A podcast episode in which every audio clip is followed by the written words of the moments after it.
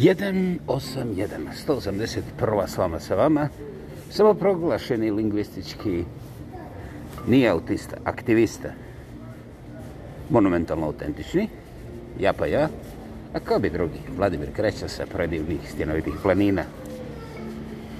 Evo, dok sam odabirao na koju stranu, već su mi nabili ovu masku na facu, i e, ja kao ja imam uvijek pitanja. Nadam se da se ljudi ne vrijeđaju, ali eto, e, nekako to nadanje ne funkcionira. I ovoga, htio ili ne htio, ja to moram prihvatiti. Međutim, ipak ću reći,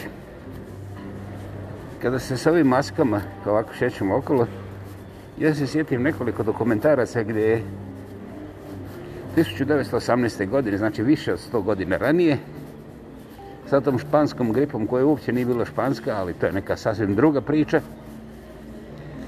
E, pošto nije bilo precizni miriljica kao danas, raspon žrtava se kreće od 50 do 150 miliona kako kome nadođe, provjerite.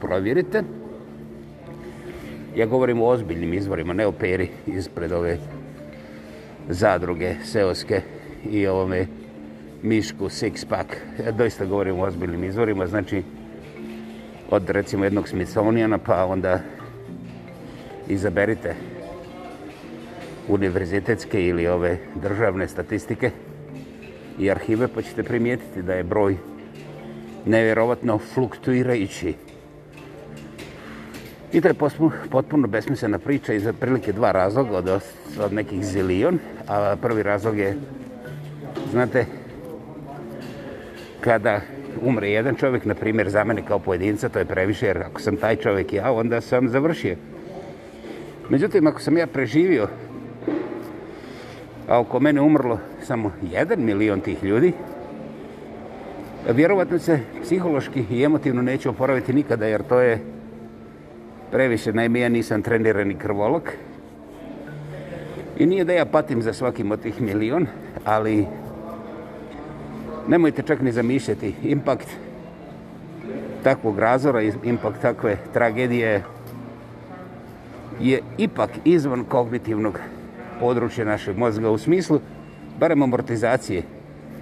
Ja ne govorim ovdje da čovjek ne razumije da je neko mrtav. Međutim, to je potpuno sporadna kategorija jer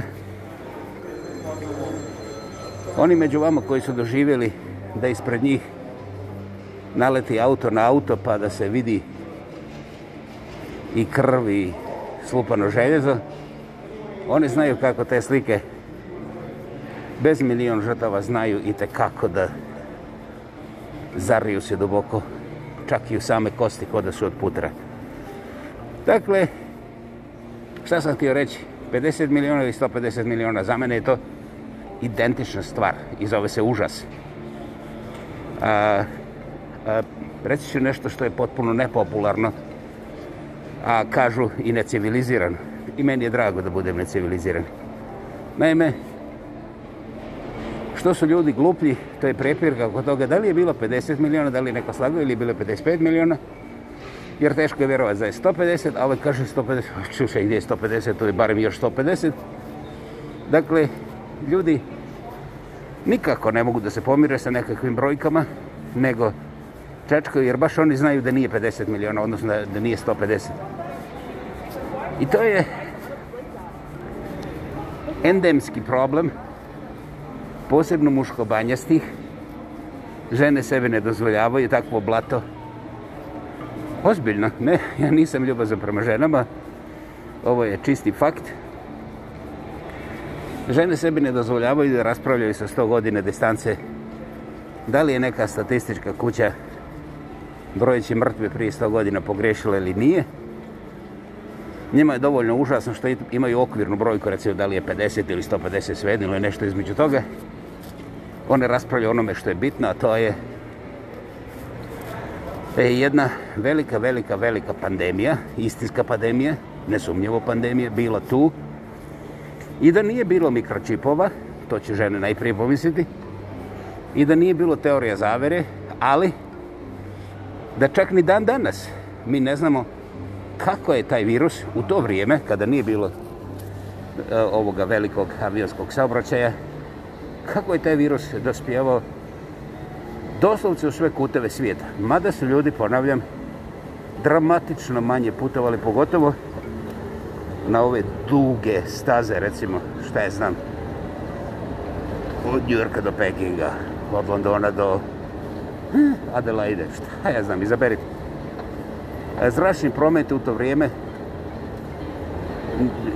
nije postojao, praktički nije postojao, dakle, potpuno sporedni brojevi putnika, u tom avio prometu.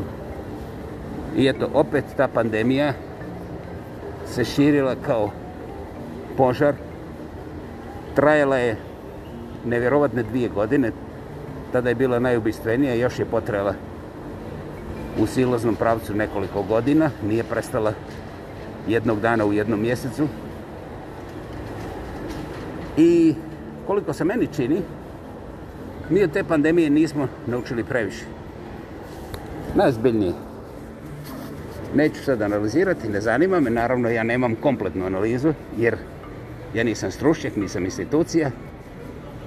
Međutim, velika je sramota, pogotovo ljudi koji se busaju kako su demokrate, slobodnjaci, a posebno ovi vjernici. Zbog toga imamo armije ovih teoretičara zavire i kako Bill Gates hoće da nam smijesti nekakav čip, a otprilike 150% od njih pojma nema kakav je to čip. I ovo već nije ni tužno, ovo već malo za udara, pa ćemo preskočiti. Dakle, to je bilo prije 150 godina. Nije, oprostite. Ako ćemo precizno, 103 godine, jel? 918, ja? Ovaj, I meni i danas nije drago kada to pogledam, ali je zanimljivo da su od San Francisco do Londona gospoda, ali i ljudi u javnim službama i u ovim gradskim centrima, pa čak i u sportskim nekim okolnostima, nosili maske gotovo istovjetne kao mi danas. Tehnologija se malo promijenila, nećemo o tome. I ovaj, nije primjećeno da su te maske donijele puno uspjeha. Ono što mene zanima medicinska znanost, posebno ovi pandemijski eksperti, virulozo, virulozi, nisu baš previše glasni kada se govori o prenosu. Ovaj, jer sve što imamo je prenešeno sa čovjeka na čovjeka, Iako ćemo logiko maski, meni se čini da bi mi stalno trebali biti izolirani jedni od drugih. E, e, da. I kad bi bili stalno izolirani jedni od drugih, to bi bio početak kraja ljudske vrste. To znaju čak i ovi polupismeni. Jer, znate, ove maske dokazuju da mi o virusima još uvijek nemamo pojma, još uvijek smo na od prilike drugoj stranici, stranici bukvara za ove bazične elemente razumijevanja svijeta virusa najuzbiljniji. Pogledajte malo bolje koliko kontradiktornih, kontradiktornih informacija, a onda vrlo krute naredbe koje navodno rješavaju sve. Vidite sami da ne rješavaju, ali institucije i zvaničnici moraju nešto da lupetaju i onda da se to ne bi zvalo lupetanje, onda su to službena priopćenja u kojima slušaj, ako ne slušate, mi imamo zakon pa ćemo vas dekintirati. Mislim, ispraznit ćemo vam sve džepove ako ne povjerujete. I tu onda ima masu, masu manipulacija što je ne samo tužno, nego razvrno. Dakle, Stravično je što nismo ništa naučili. To je, to je stravična neodgovornost ljudske vrste. Ne bi sad ulazio pojedine države, politička opredeljenja, ali nismo ništa naučili. Mi smo spremni sada samo neka mala šibica, neko malo nerazumijevanje, uglavnom konceptualno. Mi smo spremni da jedne druge poubijamo jer razumijemo, vrlo dobro razumijemo kako se toljaga kreće. Ako je moje toljaga brža od tvoje, hehehe, i bez maske ti plivaš na traške, vidiš? I ja znam tu matematiku. Zastrašujuće. Kad ja znam matematiku tu, onda je to već po zlu. Dakle, gospodo, dakle, gospodo, moja draga, ne očekujte logične poteze, ne očekujte logične ishode i udahnite malo i primijetite koliko vi niste toga na vrijeme učili. A ja ću danas skratiti i ispričati vam priču kako u toj mojoj koži. Ne da nije lako, nego je morbidno, unikatno i ha, ne baš preporučljivo. Naime, ima već skoro 20 godina kako su oni ispod Švicarske ganjajući fotone, protone, kvante i ostale te male, sitne, nevidljive kao čestice koje inače nisu čestice, nego su samo energetski refleks na nekim super osjetljivim spravama za takve stvarčice. Aha, dobro ste čuli. Ovaj, I znači, oni to svaki da radi, ganjaju te frotone, frotone, frotone, kontramone, pepsone, dontone, više sve znam. Stručnik sam ti ja za tu kvantnu fiziku, kvantnu mehaniku. Onda kvake, on kvanta i tako dalje. Uglavnom, ta gospoda je izdala fantastične studije negdje početkom 2000. godine kada su rekli da su napokon ostvarili ono što se smatralo nemogućima, to je da jedna od tih četica tam Kladontona, Blesona, Drmona, Formona, Karmona, pronađete ljudi boji, nema ih više od 500, ozbiljno, za sada, inače raste nekako, malte ne svaki dan. Zbog toga ja znam sva ta imena na pamet. Ako nije danas, bit će sutra, vjerovatno. Dakle, oni su ganjem tih malih nevidljivih čestica ispod svih švicarskih Alpa nepobjedno utvrdili da jedna čestica može biti na dva mjesta u isto vrijeme. Ok, ja ću to sada malo pojednostaviti. Priča je malo kompliciranije i ja sam čitao dva, tri dana dok nisam nešto ufercero. Uglavnom, to je otprilike, ako ste vi čestica, znači vi ste gospodin Pero, i vi ste sa svojom ženom u određenom mjestu, mislim, ili prostoru vaše kuće, i imate to što imate, ili vas dvoje, šta je znam, mislim, neću da se uplećem, uplećem u poljoprivredne ove aktivnosti, ko ore, ko kopa i te stvari, ko sadi, ko vadi, šta je znam, ne znam, ne znam. Znači, vi ste gospod Pero i vi se nalazite sa svojom ženom u toj spomenutoj sobi i sada vi ste gospod Pero koji je također kod mice komšinice u isto vrijeme, ali u različitoj sobi. Zamislite to.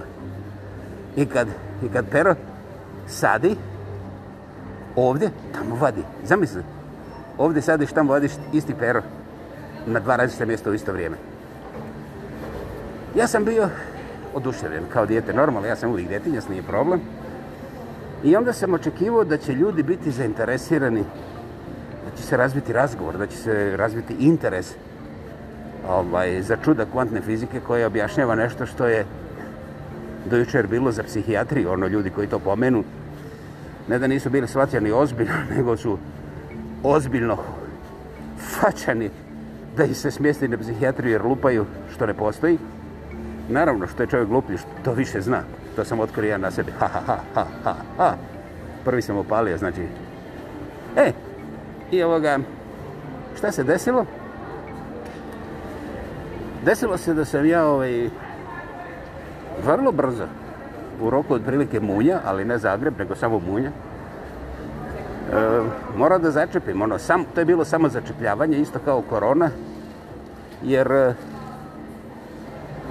Boga mi je bilo totalno besmisleno, pomalo čak i opasno nastaviti taj razgovor, jer bilo je ono pitanje, a šta ti hoćeš sad od mene? Hm. To je stvarno ozbiljno pitanje, tragično, mislim, zamisli, kad Mišku six pack postaviš takvo pitanje, mislim, on kaže što, ovo je budali, razumiješ? A nisam stigao da mu objasnim to sa perom, to je došlo kasnije. Međutim, tada je već Miško otišao, onda je došao neki perko jer bio tako odušio, onda je rekao, odmah je, mislim, to sam i ja znao, leto.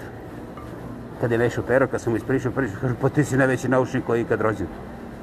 Ja kažem, rekao ti ja, sad idi okolo i preci ljudima da znaju, ne tamo neke Tesla, Einstein i ostali. Eto, dragi moji, znate, ko kvantnu fiziku čačka, onda se sa hm, ovaj drugi dio ostavljam izvan etera, ali najkraće vam mogu reći ovako praktički. Znate, neću ja o kvantnoj fizici, međutim, ova priča mene i danas uzbuđuje jer e, neki od najkompetentnijih umova koji su došli do ovog otkrića i dobili čak i Nobelove nagrade, kažu, kad su ih pitali šta je kvantna fizika, da pojasne ovako široki masom, kaže ovaj gospar, znate, ja vam to ne znam, jer stvar se mijenja svaki dan. Ali sa sigurnošću vam mogu reći samo jedno. Ako sretnete nekoga ko zna šta je kvantna fizika, dakle, ko vam da kompletan i definitivan odgovor. Budite ljubazni, učinite uslugu sebi, pobignite glavom bez obzira, jer tako nešto ne postoji.